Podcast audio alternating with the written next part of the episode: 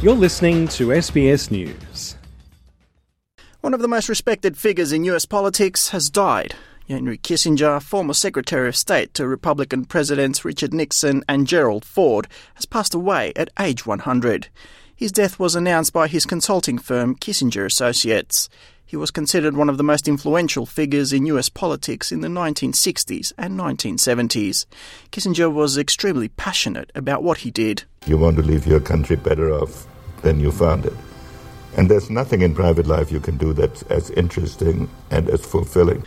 The former US diplomat had a major role in many of the global events that shaped the course of the world back in the 1970s. Among his many achievements were the diplomatic opening of China, the arms control discussions between the US and the Soviet Union, and the expansion of ties between Israel and its neighbouring Arab nations. Mr. Kissinger was also awarded the Nobel Peace Prize in 1973, along with Vietnamese diplomat Le Duc Tho, who declined it, for their role in ending the war between the two nations. Nothing that has happened to me in public life has moved me more than this award. Kissinger was well known for his secrecy and for sticking to his own path. Former US President Gerald Ford said in 2006, shortly before his own death, that Henry Kissinger was a man who, in his own mind, never made a mistake. In 1971, Kissinger negotiated with China to open diplomatic relations with the Western world without notifying George H.W. Bush, who was then serving as the US ambassador to China. It was a move which he believed to be the correct one. Whoever went would be alone in Beijing with no communication. And therefore, if he didn't know Nixon's mind, he might do foolish things. With his gruff and commanding presence and uncommon manipulation of power, Kissinger was both exalted and vilified for his role in global affairs. Born on May 27, 1923, in Fürth, Germany, as Heinz Alfred Kissinger, he migrated with his family to the US in 1938 before the start of the Nazi campaign for the extermination of European Jews.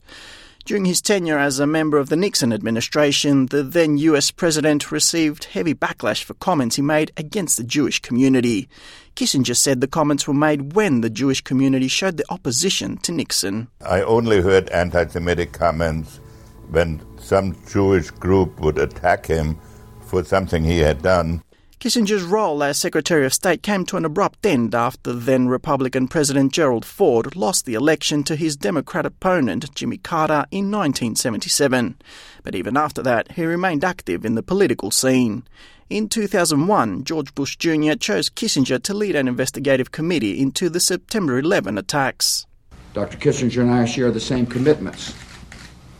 This investigation should carefully examine all the evidence but he was forced to step down after Democrats claimed there was a conflict of interest with his New York based consulting firm. In 2016, Kissinger was recognized by being awarded the U.S. Department of Defense's Public Service Award. In his acceptance speech, Kissinger noted the central role of the U.S. in global events. We are involved in religious wars in the Middle East we have to deal with the rise of countries that see themselves as historically central powers in Asia. We have to deal with Russia that it's combining the decline of its physical strength with an attempt to reassert its historic predominance in certain regions. And we are challenged by a technology for which there is no precedent. Divorced from his first wife, Anne Fleischer, in 1964, Henry Kissinger was married to New York Governor Nelson Rockefeller assistant Nancy Maginnes. He leaves behind two children from his first marriage. Alex Anifantis, SBS News.